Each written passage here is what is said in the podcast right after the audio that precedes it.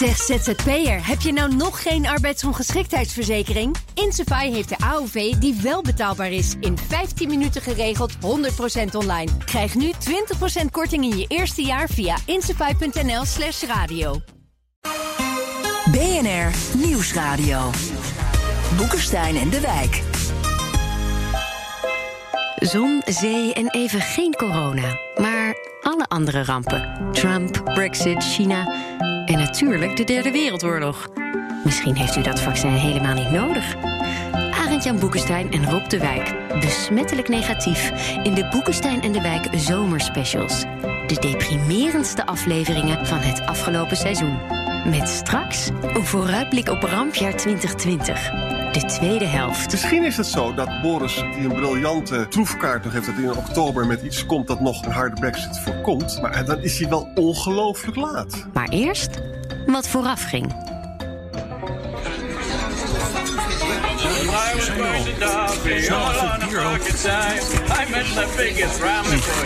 Hm, oh, die komt nou wel slecht uit. Arend kan jij de aankondiging even doen? Oh, gewoon de nieuwe wereldorde en zo. Moet hier zitten. Oh. Nou, welkom bij Boekestein en de Wijk, de Brexitborrel. Hm, pardon. Op zoek naar de nieuwe wereldorde. Die begint over een half uur, want dan is het officieel Brexit. We zenden uit tot half één vannacht, live vanuit Amsterdam en Londen op BNR. En voor wie beeld aandurft, zijn we te zien op bnr.nl en Twitter. Beter om niet te kijken, denk ik hoor. Die chatter is een beetje taai, jongens. Ja. Ehm, Mag ik wat vragen, Hurre? Lia. Ruikt het hier altijd zo? Nee, het is smerig hier. ja dat, Het ruikt als mijn plaatselijke Indiaanse café. Nou, inderdaad. dat is de curry die er staat. Dat is, weer Dat is de curry. De tikka masala. tikka Die naast masala. CTM, de nationale dis. Ik voel me meteen thuis. Het is al meteen een bende hier in de studio. We hebben overal vlaggetjes van verschillend allooi. We hebben tikka masala naast Lia staan. We hebben Rob de Wijk, we hebben Arend-Jan Boekenstein. Lia van Beckhoven helemaal uit Londen hier. En in Londen is dan weer onze Europa-verslaggever Jesse Pinster. Dus iedereen zit aan de verkeerde kant van het kanaal. Een goed begin voor de avond. En Lia, ehm, los van de stank die je meteen thuis eh, doet voelen. Ben je een beetje in de borrelstemming? Ik ben altijd in de borrelstemming rond deze tijd van de avond. Daar heb ik geen brexit voor nodig. Hey, en Jesse, hoor je ons? Jij staat geloof ik op Parliament Square, waar het ook een feestje is. Geweldig feest daar. Ja. Misschien staat hij bij de Remainers.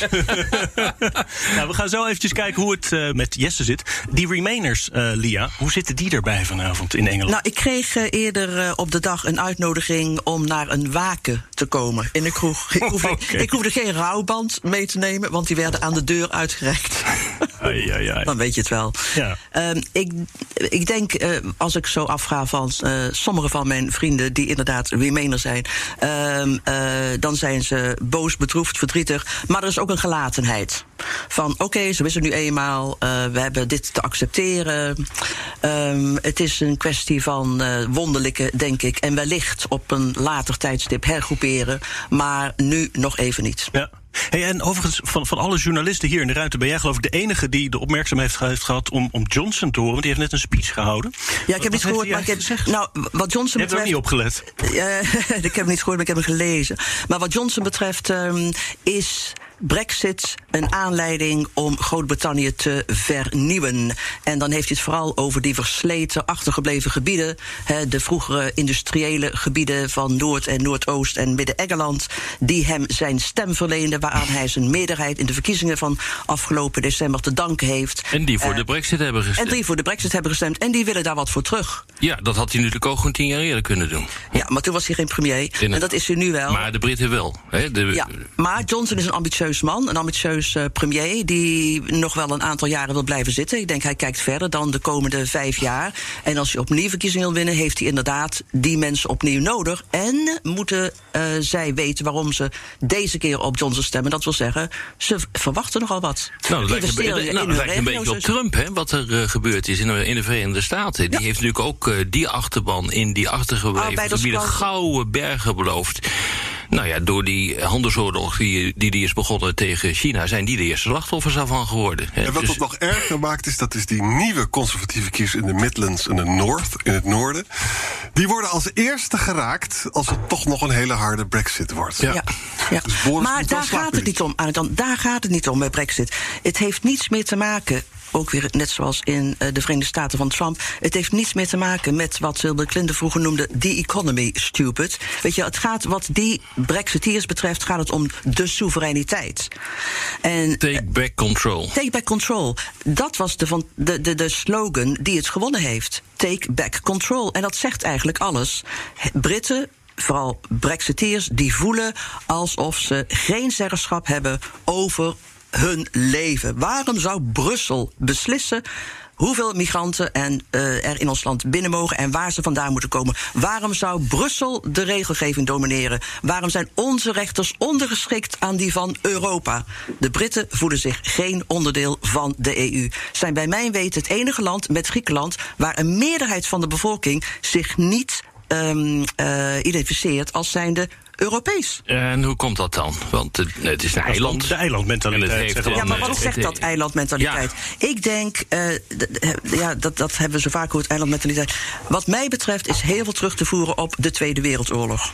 Wij hebben er denk ik geen idee van hoe belangrijk die Tweede Wereldoorlog wat Churchill noemde their finest hour, stil, uh, nog steeds is in Groot-Brittannië.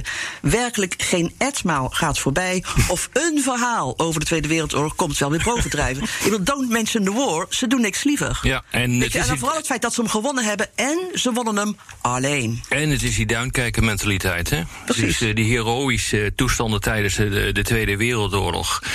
Uh, die zal hun er nu op, bovenop helpen. En dat is denk ik niet zo. Want de wereld ziet er echt een klein beetje anders uit dan sinds de Tweede Wereldoorlog. Sterker nog, de wereld ziet er anders uit dan 2016, ja. toen het referendum werd gehouden. Maar wat niet veranderd is, is dat de Britten dus buitengewoon zijn. Zij zijn bijzonder. Exceptioneel. Zij zijn exceptioneel. Want ze hebben alleen Hitler verslagen. Ja, daar hebben de Amerikanen niks aan gedaan, de Canadezen ook niet. En de Russen helemaal niet. Nee. Hey, we kunnen even naar Parliament Square, hoor ik. Jesse, hoor je ons? Ja, hoor je mij? Ja. En ik hoor het feestje op de achtergrond. Fijn zo als bij jou, hè? ja, nou, wij zijn hier, merk ik, een beetje in een, in een moeilijke stemming. Bij jou is het feestelijker, want jij staat bij de Brexiteers, hè? Het is één groot feest, werkelijk. We hebben alle quotes van uh, Nigel Farage, die is allemaal mee staan te lullen. Wat van uh, op het scherm liet de, echt de klassiekers van Farage horen. Nu is er muziek. Ik weet niet of je het een beetje kan horen, maar er wordt gewoon gedanst hier op straat van mij tussen alle juli En ja, het is één groot feestje, want Engeland is nu weer, en Groot-Brittannië is een soeverein land geworden. Iedereen vertelt het, we zijn nu soeverein. Eindelijk. En wat heerlijk klinkt het daar. En er komt veel volk op af daar, op, die, uh, op het feestje van Farage? Ja, laten we eerlijk zijn. Een paar, paar duizend man. Het is redelijk vol. Nee, maar de grasprieten die er vanmiddag al stonden, die zijn weg. Dat is duidelijk. En uh, er mag niet gedronken worden. En toch zie ik ze eigenlijk allemaal wel met, uh, nou toch vaak geïmporteerd bier staan. Stella Artois uit België bijvoorbeeld. Dus uh, nee, de sfeer zit er goed in. Wij hebben dan weer een London IPA. Dus wij, ja. uh, wij, wij, hebben het helemaal omgekeerd deze avond. Dus straks kan dat niet meer, hè? Straks kan je geen uh, Brits bier meer drinken. nou, die cheddar mogen ze in elk geval houden. Hey, ja, hoe zit dat nou met die tikka masala? Want jij zegt dat is een beetje de nationale dish, maar dat is dat is de nationale dish. Dus... CTM voor uh, uh, chicken tikka masala, ja. Ja, dat is inderdaad de Indiaanse cuisine. Uh, die heeft de Britse overgenomen. Ja, dat, dat was niet moeilijk. Dat is de rijsttafel uh, die wij hebben. Ja, ja, ja, ja maar dus dat, is dat toch is... het internationale? Uh, nee, koloniale bedoel je. dus ook internationaal. Zolang zij maar de baas zijn, is het idee, denk ik. Het imperiale. Ja. Ja. ja. ben jij bang dat als je straks weer teruggaat naar Engeland... dat het dan ja, eigenlijk weer een beetje provinciaals wordt? Van het internationale, dat zeker Londen natuurlijk nu is... dat het weer teruggaat naar nou, grauwe ik, tafelkleedjes. Ik denk dat het daar een poos overheen gaat. Ik bedoel, het wordt niet een. Uh, het gaat economisch, denk ik. Uh, ja, de Britten gaan er niet op vooruit. Uh, of het nou een car crash wordt, dat denk ik niet. Ik denk eerder een, een, een lekker fietsband, weet je wel. Uh, punaise erin die langzaam leeg gaat worden, economisch gesproken. Maar Londen is niet voor niets de meest internationale stad ter wereld. En daar is een reden voor. Iedereen wil in Londen wonen. Uh, het is veel um, internationaler dan New York bijvoorbeeld. Het heeft dezelfde functie als New York had begin van de 19 100.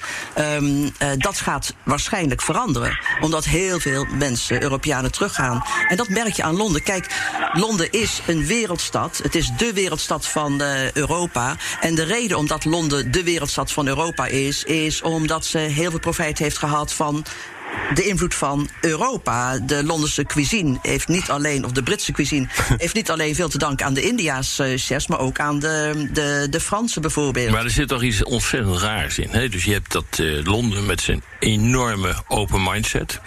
Tegelijkertijd is die, die Brexit eigenlijk eh, ja, toch, laten we zeggen, de uitdrukking van een heel benepen eh, mindset, erg naar binnen gericht. En dan heel sterk kijken naar je glorieuze verleden. Je hebt net eh, de Tweede Wereldoorlog eh, genoemd.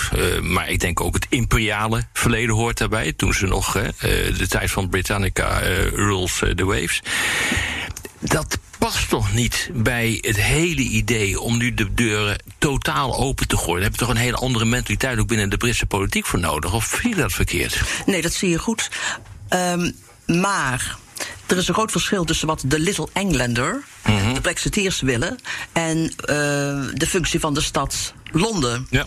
Ehm, de een is moderner, de ander hangt echt naar de Verleden. nostalgie van het imperium. Eh, dat is natuurlijk een grote verschil. Hoe dat gaat uitpakken en hoe dat gaat uitwerken, dat weet ik niet. Wat mij wel duidelijk is, is dat. ehm, Brexit een uitdrukking is van Engels nationalisme. Het heeft niets met Groot-Brittannië te maken. Ja. Ik bedoel, de Schotten willen het niet, de Wels eigenlijk ook niet. Een uitdrukking van Engels nationalisme zonder Londen. Dus waar hebben we het over? Hè, Brexit is niet iets wat een groot draagvlak heeft. We hebben het over een hele kleine meerderheid. Die volgens de peilingen al heel kort na dat referendum van op zich al 2016 een minderheid is, een minderheid is. Ja, wat je dus het met- land is totaal verdeeld. Nee, maar wat krankzinnig is, is dat je dus met zo'n kleine meerderheid zoiets ingrijpends kan afdwingen. En normaal gesproken is daar, laten we zeggen, een grondwetswijziging voor nodig. Er zijn allemaal procedures voor met allemaal stootkussens. Dat, dat het niet te abrupt gaat eh, verlopen. En dat je dus echt heel goed nadenkt in een paar slagen over zo'n majeur besluit. Maar dat is in het Verenigd Koninkrijk niet. Maar we weten eigenlijk nog steeds niet wat, wat het nou gaat worden. Hè? Ik zag Arend Jan, jouw eh, column van de week. Of ja, eigenlijk nu moet het pas gaan beginnen. Het moet pas gaan beginnen en dus alle pijn die er ongetwijfeld aankomt, die wordt dus nu uitgesmeerd in de komende jaren. Plus ook, we hebben het over Little Englanders. Hè. Die mensen zijn zo leuk geweest dat ze inderdaad ook een Little England hebben gemaakt. Want de Schotten zullen constant blijven vragen om een referendum. En als Brexit straks erg veel pijn gaat doen, dan zullen ze dat referendum uiteindelijk krijgen van Boris Johnson. En dan gaan ze weg. Ierse vereniging is opeens dichterbij dan ooit. Nou, dat is gezellig in Engeland dan. De Welsh willen stiekem eigenlijk ook. Hè? Wordt er wel een beetje klein daar. En arm, zou ik zeggen.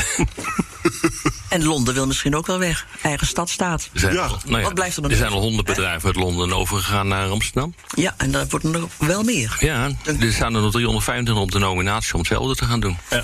Dus het fascinerende is eigenlijk, je ziet een soort Maar zelf. als je het sorry. Maar als je het, he- als je het vraagt aan die Brexiteers, eh, eh, wat vinden jullie daarvan? Dan zeggen ze, en dat is de meerderheid, ook volgens peilingen die bevestigen dit, dan zeggen ze dat het opbreken van het Verenigd Koninkrijk de moeite van Brexit waard Dat is. zeggen ze. Ja. dat zeggen ze. Zelfs, zelfs dat oorlog het in opbreken van hun eigen partij, hè, dat, we hebben het over conservatieven, Is het ook waard? is het ook waard. En ook een- Dus vraag mij niet naar logica, Ja. niet te vinden. En ze hebben zelfs gezegd, als er weer troubles komen in Ierland, dan, dan moet dat maar gebeuren. Even over eh, racisme Ja, gesproken. het toont aan, Jan, hoe diep die verdeeldheid is in die maatschappij en hoe irrationeel dit hele proces eh, verloopt. Precies, Ik want bedoel, het heeft ook niets, sorry, maar het heeft ook niets wat mij betreft, breng me het bek niet open, oh, eh, te maken met eh, Europa. Wat ik vraag, ik, ik, doe wel eens, ik ga wel eens lezingen en dan heel veel mensen die vragen dan, ehm, waarom zijn de Britten zo anti-Europees? Ze zijn niet anti-Europees. Ik bedoel, ze hebben helemaal niks met Europa. Maar als je kijkt naar de tien jaar voorafgaand aan dat referendum van 2016, nergens in al die peilingen gehouden toen was Europa een kopzorg voor de Britten. had, Dat was een obsessie van een hele kleine groep. ja, Maar had, had, had de Gaulle gewoon niet gelijk toen in de jaren 60 zei van...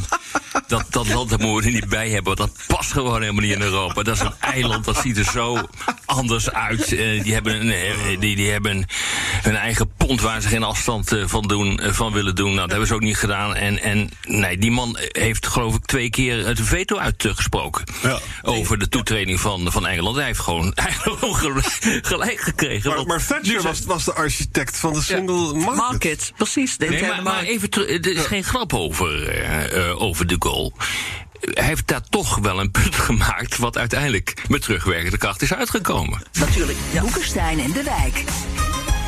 Een historisch moment, een keerpunt in de Europese geschiedenis, een nachtelijke live-uitzending van Boekenstein en de Wijk. En dan is het ook nog Brexit vanavond.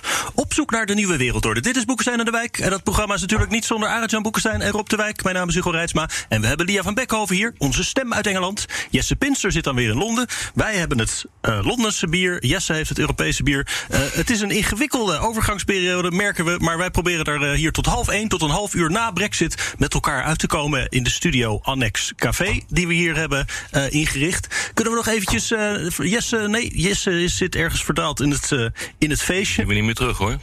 Die, die krijgen we niet meer terug. Echt niet. Die had natuurlijk een Europees vlaggetje bij zich. Die is al lang, die is al lang neergeknuppeld.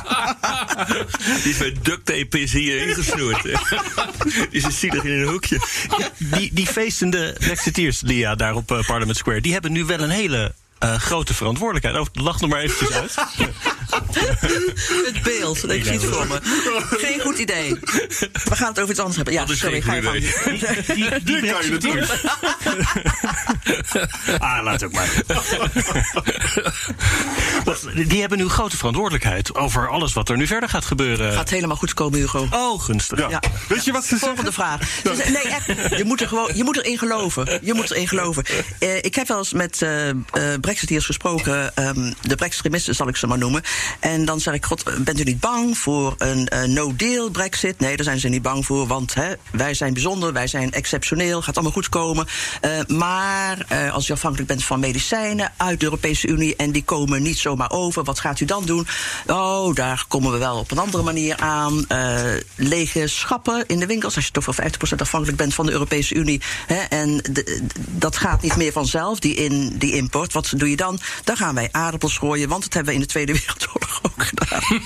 Dat zeggen ze. Dat zeggen ze. En ze zeggen ook van we gaan lekker Britse handel, humor, hè? handel drijven met de Commonwealth. Hè. Ja. Er is nauwelijks handel met de Commonwealth. maar ze hebben gewoon geen idee wat het betekent, een brexit. Ik denk dat ze daar straks wel achter komen. Nou, nee, ze hebben wel een idee. Het is niet afgelopen. Nee, maar we hoeven er nooit ja. over te praten. Nee, maar heb je enig idee hoeveel verdragen er moeten worden heronderhandeld? 752. Nee, 1139. Oh, oké.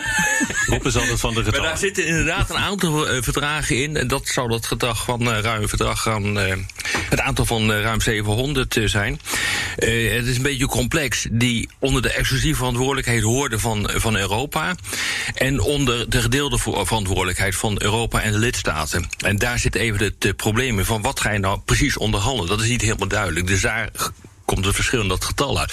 Maar ze hebben niet eens ambtenaar om dat te doen volgens mij. Nee, nee dat, is, dat is ook een dus- probleem. Je hebt dus niet alleen een probleem dat je dus geen eh, frictieloze trade hebt met de EU. Maar je zit ook in al die handelsverdragen waar je er dus uitgegooid wordt. En Japan heeft al gezegd, we gaan de Engelsen helemaal niet helpen. India heeft ook gezegd, we gaan de Engelsen helpen. En Trump die gooit chloorkippen naar ze toe en dure medicijnen. Even, even naar Parliament Square, jongens. Nee hoor, niet bij Parliament Square. Ik ben ergens een zijstraatje ingelopen. Daar kwam een man aanlopen met een hele grote mond. En dan bedoel ik vooral ook letterlijk een hele grote mond. Eh, en die begon ineens te schreeuwen. En eh, ja, toen ging iedereen helemaal los daar. Want ja, de, de, de zonnegod van deze mensen is eh, aangekomen. Oh, Nigel Farage. Het was Nigel zelf. Ni- Nigel zelf is er niet. Dus ik weet niet of je nog net om het hoekje een beetje het geschil kan horen. Maar eh, Ja. ja, nee, de, de hoofdtek is begonnen. Mr. Brexit. En van hem gaan we horen wat er nu gaat gebeuren? Of, ehm? Nou, dat, eh, daar zou ik maar niet op rekenen. ik bedoel, wat ik tot nu toe gehoord heb, dat was ook, eh, hoe heet de beste man ook weer, dat weet Lia wel, die grote kroeg-eigenaar. En nou, die was een beetje hakkelend een verhaal aan het vertellen. En de boodschap was, Mr. Barnier, we want no tariffs. Punt. Nou, dat is geweldig. Ja. Ja, nee, Dat is het plan. Echt, echt uitge- uitgewerkte plannen hebben ze hier klaar liggen. Echt, ook, ik bedoel, ja, ik moet niet veel zeggen, want ik kom met een beetje een slechte lijn bij jullie. Maar ook technisch is het allemaal niet helemaal handig in elkaar gezet. Of het is te hard, of het is te zacht. En dus of de achterste rij loopt te schreeuwen dat het allemaal luider moet. Of je wil wegrennen uit die achterste rij omdat het gewoon zo hard klinkt allemaal. Dus een beetje, misschien een beetje symbolisch voor Brexit. Dat ook, ook, ook dit ook niet, niet helemaal vlekkeloos eraf. Global Britain staat nog niet helemaal eh, klaar. Nee. Nee, Ja, wat, wat gaat die Farage eigenlijk doen? Want hij heeft zichzelf, en dat is op zich wel nobel, nobel zichzelf eh, tot werkloos eh, gemaakt. Hij heeft een radioprogramma. Ja, Wat doet hij, hij heeft, hij heeft een Dat kan altijd nog, hè, als je voor de rest niks kan. Hè? Ja. Nou ja, ik bedoel, ja, ja, daar kan je niet van leven hoor, van een radioprogramma. Althans niet in dit land. Althans hier bij Boeken zijn in de wijk.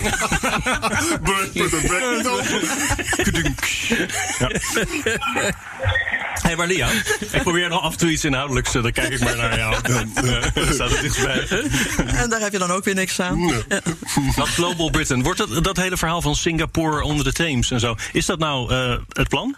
Of, Nou, dat is een plan. En een als het aan de brextremisten ligt, dan is dat inderdaad de koers ehm, waar de Britten eh, op insteken. Maar denken ze nou echt dat ze een tariefloos eiland kunnen Nee, maar ze creëren? hopen het wel heel erg. Ik hoorde van een vriend van mij, een diplomaat, een Britse diplomaat. En die was vorige week op een, op een party. En de nieuwe ambassadeur van Panama, die zei tegen hem... waarom word ik toch voortdurend gebeld door het ministerie van Buitenlandse Zaken? Die er voortdurend op hameren. Kun je niet een handelsakkoord met ons sluiten? Kun je niet een handelsakkoord met ons sluiten? Panama. Panama. Panama. Daar word je heel rijk van. Je moet ergens beginnen. Ja. dus Global Britain, ja, Panama. Ja. En dan moet, eh, moet Europa daar straks nog eh, mee akkoord gaan uitgaan. Heb jij een beetje eh, een beeld van hoe dat, hoe dat nu verder... Ik geloof dat in februari daar onderhandelingen moeten beginnen? Ja, en de situatie is redelijk hopeloos. Het is eigenlijk zo opgezet dat ze binnen de kortste keren slaande ruzie krijgen. De EU zegt van, EU-regels moet je aan blijven houden. Dan mag je toegang houden tot de gemeenschappelijke markt. Londen zegt, wij willen geen EU-regels, maar we willen wel toegang tot de gemeenschappelijke markt. Nou, dat gaat dus niet goed. Dus dat betekent dus dat het hele moeizame onderhandelingen worden... die ook heel wel mogelijk nog kunnen knallen. En als dat gebeurt, dan zal je zien dat, dus, dat de Britse economie het moeilijker gaat krijgen. En dan gebeurt natuurlijk... Kijk, Boris moet iets doen voor het noorden en voor de Midlands. Hè? Die Ja. nieuwe Labour... Dat is echt Brexit country, hè? Dat kost miljoenen, miljarden. En dat kan die alleen maar verdienen als hij een goede trade deal met de EU krijgt. Nou, nou wat is nou zijn nachtmerriesituatie? Als hij slim is, dan gaat hij een aantal EU-regels accepteren. Dan heeft hij tenminste een beetje handel met de EU. Maar dan gaat Nigel Farage zeggen: What was the point of Brexit? Because we still have rules. Eh, en als hij het niet doet, ja, dan wordt dus Engeland arm. En dan kan hij niet die nieuwe kiezers bedienen. Dus Ja. ik, ik zie niet hoe dit goed af Maar de crux zit Nou, het haar- verschil eh, tussen ehm, de positie waarin Boris Johnson verkeert en die van Theresa May is dat hij die harde Brexiteers, hè, die zeggen wij willen een Singapore on the Thames, dat hij die kan negeren. Ja, want hij heeft 80 zetel. Hij heeft ze niet meer nodig. Ja. Dus hij zou inderdaad een koers kunnen varen waarbij hij dichter tegen de Europese Unie en vooral de interne markt aanblijft. En ook dus niet afwijkt van de regels van de Europese Unie ehm, dan Theresa May. Dat zou kunnen. Dat zou kunnen. Of hij, of hij dat ook wel Maar dan eh, gaat het doen, politiek ongelooflijk ongeloofwaardig eh, Ja. mee. Want eh, Dan heb je een Brino, zoals hè, Ja, we houden goed, van, ik af, bedoel, we houden van wil- afkortingen. Brexit in name only. Brexit in het name idee only. is natuurlijk gewoon ontstaan onder heel veel Brexiteers. Dat zie je ook gewoon in Nederland. Die dat een goed idee vinden. Dat je dus geen tarieven meer krijgt. Want dat je een totaal. Hoe is eh, een totaal eh, idioot. eh, het is een totaal idioot idee. Dat je dus inderdaad een tariefloos Engeland kan, kan creëren. Maar dat is natuurlijk gewoon afhankelijk van de deal. in de eerste plaats die je maakt met de Europese Unie. Die zal dat gewoon nooit gaan toestaan. Die wil een gelijk speelveld. Ja, Die- maar wat ik, wat ik ook zo interessant vind is, en dat moet je toch niet negeren, denk ik, de, waarom er mensen zijn, en de Britten zijn niet de enige, of de Engelsen in dit geval zijn niet de enige, die echt vinden dat ze geen aansluiting hebben bij de Europese Unie. Ja. Die echt vinden dat Brussel niet luistert. Die niets hebben met Europa. Klopt. Precies. Ja, maar goed, ik bedoel, ze komen er wel achter dat ze wel wat hebben met Europa. En dat ze gewoon hebben moeten te gedragen. Ik weet het niet. Ik weet het niet. Er zijn ja, heel veel mensen die echt niet verder, eh, ook in eh, andere Europese landen, hè, die wel de Europese munt hebben, die het niet willen. En zeker die niet verdere integratie willen. Maar goed, ik bedoel, je komt wel in een situatie terecht waarin je er nu achter komt dat je niet een heel groot land bent, maar een relatief klein land. Ik bedoel, het is nog steeds de vijfde economie Maar- van de wereld. Een exceptioneel land. Ja, zeker, maar je bent nog steeds de, de vijfde economie van de wereld. Maar de afstand tussen de nummers 1, 2 en 3, dus de VS, Europa, de. Europese Unie Tuurlijk. en China is zo groot Ja. dat je altijd in de minderheid bent, altijd in de verdrukking zit bij onderhandelingen. Dat ga je gewoon altijd verliezen. Lia, De clash jij, met de realiteit, Ja. die gaat komen. Die maar gaat die is er nu nog niet. Echt niet. zie jij het eigenlijk als, als dat ongeluk van David Cameron met dat referendum? Of was het een historische onvermijdelijkheid bijna dat eh, Engeland er ook weer een keer uitgaat? Nee, ik denk niet dat het een historische onvermijdelijkheid is. Maar nogmaals, ik bedoel, als Cameron eh, door de Europese Unie met iets meer egaar behandeld was destijds. en meer, eh, met meer naar huis had kunnen gaan. Ja. waarmee hij de Britten om had kunnen praten. dan was de uitkomst wellicht anders geweest. Ehm, maar ik denk dat. ehm, de Britten inderdaad altijd met één been, zoals we weten, in de Europese Unie gestaan hebben. Ze hebben hun eigen reden ervoor eh, om nooit zich echt Europees te voelen. Nooit hebben geloofd eh, in het Europese project zoals wij. Kijk opnieuw naar de geschiedenis. Dan was de reden voor het opzetten van de economische gemeenschap van al die landen. De, de, de, de reden voor een probleem, de oplossing voor een probleem waar de Britten nooit mee zaten. Ik zie overigens wel dat het goede effect heeft volgens Peter van der Donk op Twitter. Dat we nu die borrel eh, te danken hebben aan Brexit. Hij heeft eh, dat, het liefst dat wij dat elke week gaan doen, Rob en Uitjan. Dus als dat voor jullie agenda kan. ik vind het wel lekker met een biertje erbij. Maar dat, dat, dat terzijde. Ik neem nog even een slokje. Misschien kan je nog eens een vraag stellen, Hugo. Eh, we Moet ik dat dat is een vraag? Jij moet, jij moet het gesprek een beetje op gang Ik houden. wil, ik wil even genieten van dit biertje. Stel jij maar eens een vraag. God, ik zou het niet weten op dit ogenblik. We vallen totaal helemaal stil. Oké, dan Het is het gewicht van het historische moment, denk ik. Maar laten we nog even naar dit ideologische bedrog kijken. Want dat blijft toch fascinerend. Hè? Ze denken dus echt, zoals eh, Lia ook zegt, van... eh, nou, er is niks aan de hand. We krijgen een- ongetwijfeld een goede deal met de EU. Niet waar. B, we gaan gewoon met de Commonwealth onderhandelen. Kijk naar de percentages. Dacht je dat de Australiërs en de Nieuw-Zeelanders... nou zo verschrikkelijk veel met Engeland eh, onderhandelen? Na, geografisch nabijheid is nog steeds een belangrijke determinant van je handelspark. ja. Nou, dan heb, je, dan heb je al die landen met wie je moet heronderhandelen. Japan heeft al gezegd, nou, we gaan die Britten een poetsje bakken. India, Commonwealth, heeft dat ook gezegd. Dus er zit hier dus een ingebakken deceptie van... van turbo-proporties. Hè? Ja. En het zal dus echt een soort Boris Johnson vragen om dit allemaal recht te breien. En het enige gaatje dat heeft is precies wat Lia zei: van oké, ik ga wel een aantal EU-regels houden. Dan heb ik tenminste nog een beetje groei daar. En, dat, en dan ga ik wel, dus verzin ik wel een smoes in het parlement van joh, dat zijn geen regels. We, dat noemen ze dynamische regulering, zeggen ze dan. Weet je wel? Dat betekent dus gewoon dat je je aan EU-regels houdt. Maar het is, het is ongelooflijk. Dat Maar feitelijk, Ariel, moet er dan toch een associatieakkoord komen uiteindelijk. Hè? Dat is feitelijk wat er gaat gebeuren. hebben, we daar niet een, eh, hebben we daar niet hele slechte herinneringen aan, aan eh, associatieakkoorden? Ik meen me nog te herinneren dat het associatieakkoord met de Oekraïne... eh, dat is afgestemd. We hebben enorme shit gehad met het associatieakkoord met, met Canada. Ja. Om maar eens wat te te acht jaar. ja, en afgezien daarvan, dat is bijna gesneuveld in, het, in België. Wat, ga, wat gaat er nou gebeuren? Dus je hebt al die Nexiteers in dit land bijvoorbeeld. Ja. Die juichen nu allemaal dat de brexit eh, er komt. Dan moet er een associatieakkoord komen. Dan mag ik toch aannemen dat ze ook tegen gaan stemmen. Misschien moeten we Nee, eventjes maar ik weer... ben, ik eh, ben serieus hoor. Ja, maar Rob, eh, we vinden het heel belangrijk wat, Ja. je, wat jij serieus Maar we moeten denk ik eventjes het moment in Londen meemaken. Want ik zie dat ze op de World Service al voor eh Oh. 10 Downing Street staan. Jesse, waar ben jij?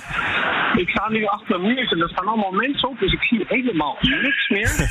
Ik, wel, ik, ik kan het wel horen. Dat is het belangrijkste natuurlijk. Ik zie een klok nu op 50 seconden, 45 seconden staan. 44, Geprojecteerd op eh, 43, 10 Downing Street. 42. 41. Kan ik nog net iets uitleggen, want jullie maken Ja. het allemaal veel te ingewikkeld. Ik heb goed geluisterd naar Nigel Farage.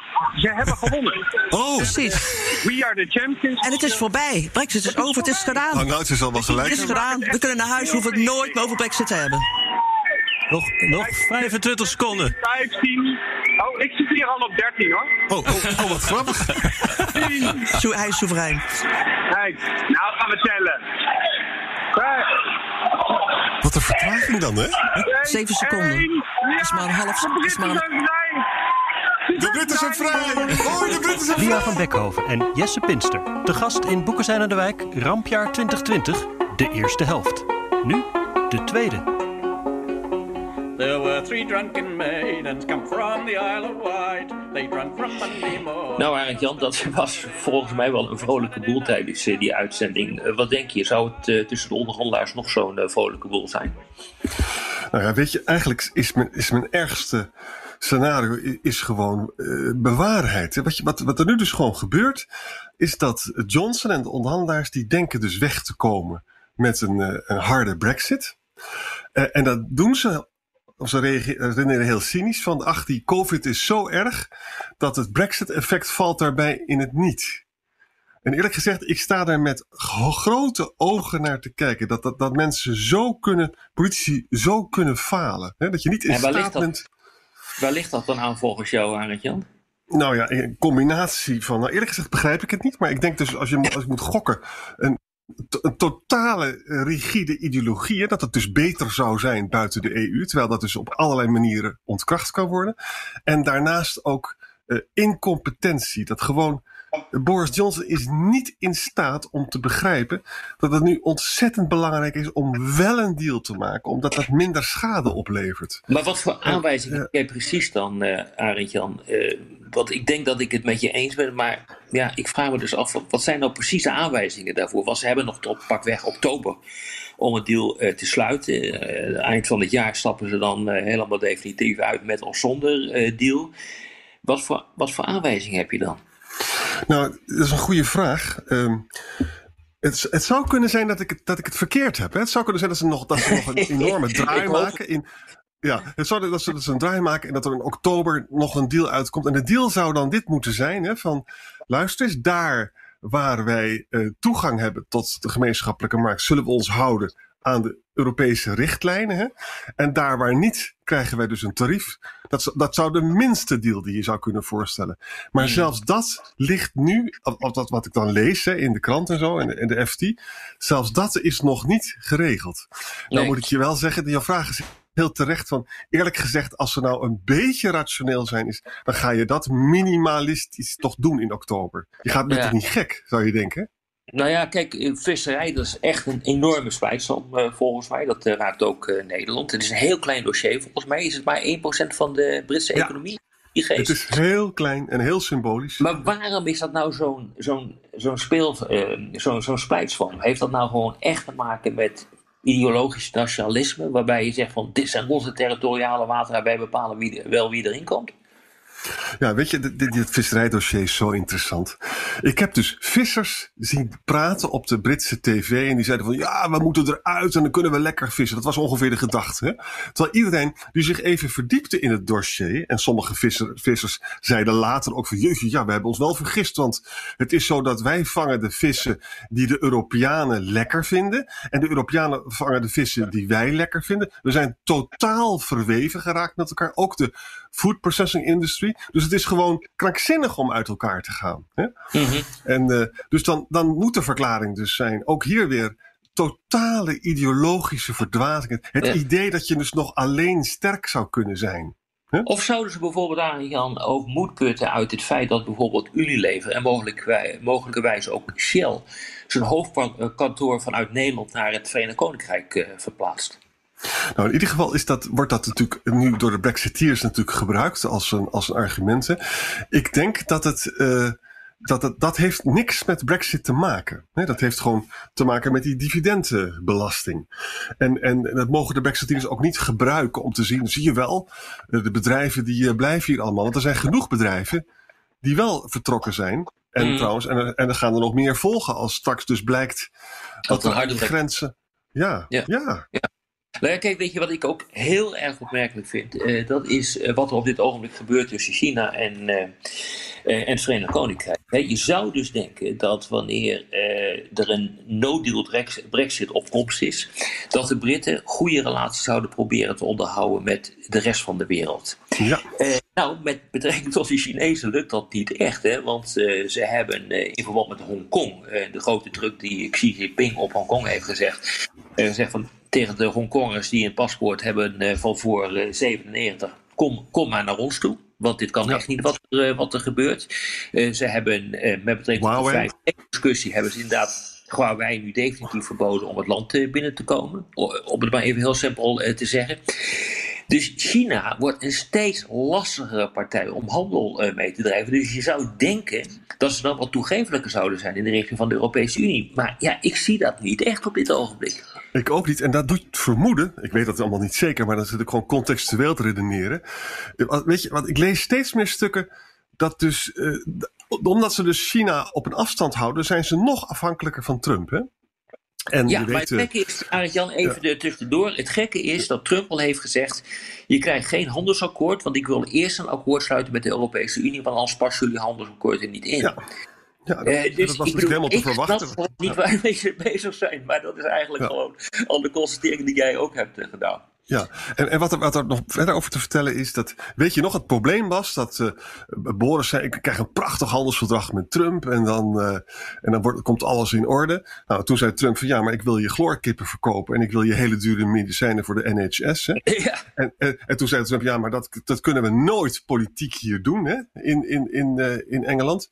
En nu zie ik stukken komen dat er heel misschien wel chloorkippen gaan komen. En dat komt dus, jij verklaart dat. Kijk, als je, uh, als je niet China als bondgenoot hebt, dan word je nog meer uitgekleed door Trump. En Trump wil natuurlijk eerst inderdaad een handelsverdrag met de EU. En dan kan hij de Engelsen nog meer onder druk zetten. Ja, en dat geldt ook voor uh, als we president Biden gaan krijgen. Dan zal het echt niet gaan veranderen. Nee. Nee. Hey, uh, maar we hebben ons toen afgevraagd hè, tijdens die uitzending: van hoe zijn we er eigenlijk gekomen? Even tot slot we zijn eigenlijk niet zo ver gekomen hè, op dit ogenblik. Nee, ik, en eerlijk gezegd, ik vind dat zo raar. Hè? Ik bedoel, stel je voor dat, dat, dat jij en ik in, aan het bewind zouden zijn in Engeland. Oké, we hebben dan die brexit gedaan, dat, dat is allemaal vreselijk. Maar we moeten er, moeten er een punt aan draaien. Hè? Een harde brexit, dat zou, lijkt me gewoon geen goed idee. En misschien is het zo dat Boris, dat, dat, dat hij een briljante troefkaart nog heeft. Dat hij in oktober met iets komt dat nog een harde brexit voorkomt. Maar dan is hij wel ongelooflijk laat. Is echt ongelooflijk. En overigens nog één ding, dat is wel belangrijk. Voor ons is dit allemaal heel erg slecht. Hè? Dit betekent dus uh, voor Nederland uh, gedonder aan onze grenzen met Engeland. Uh, het betekent dat Engeland veel armer wordt. En nog veel erger wat er gaat gebeuren, daar is VNO-NCW ook heel erg bang voor. De Britten gaan dus met staatssteun strooien. Waardoor er dus allemaal oneigenlijke concurrentie komt. De Britten gaan proberen onze gemeenschappelijke markt te ondermijnen. Het is eigenlijk zo slecht. Nou ja, ja, het is wel vervelend natuurlijk. Ja, het nee, maar het gaat niet lukken, want uh, de, uh, de Britten zien ook dat de EU een regelsupermacht uh, is en daar kun je niet makkelijk wat van maken. Kijk, zij moeten toegang krijgen tot onze markt. dat is voor 50% hun belangrijkste markt die ze hebben. Ja. Dus ze gewoon aan de regels houden. Dat gaat gewoon gebeuren. Barnier heeft dat ook al gezegd: van jullie moeten hier gewoon aan de regels houden, punt uit. Anders krijg je geen markttoegang. Dus nee, eh, ik ben daar eerlijk gezegd niet zo bang voor, omdat de, uh, het Verenigd Koninkrijk gewoon echt of ziet dat de Europese Unie gewoon te machtig is op dit gebied. Ik hoop het heel erg, maar je moet dus met die tarieven, wij moeten dan dus terugslaan met tarieven als ze het doen. Ja. ja. En daar zit natuurlijk ook een, zit een, een, een time lapse zit ertussen. Mm. De, de, de VNO-NCW maakt zich hier heel grote zorgen over. Ja. En eerlijk gezegd kan ik me wel bij voorstellen.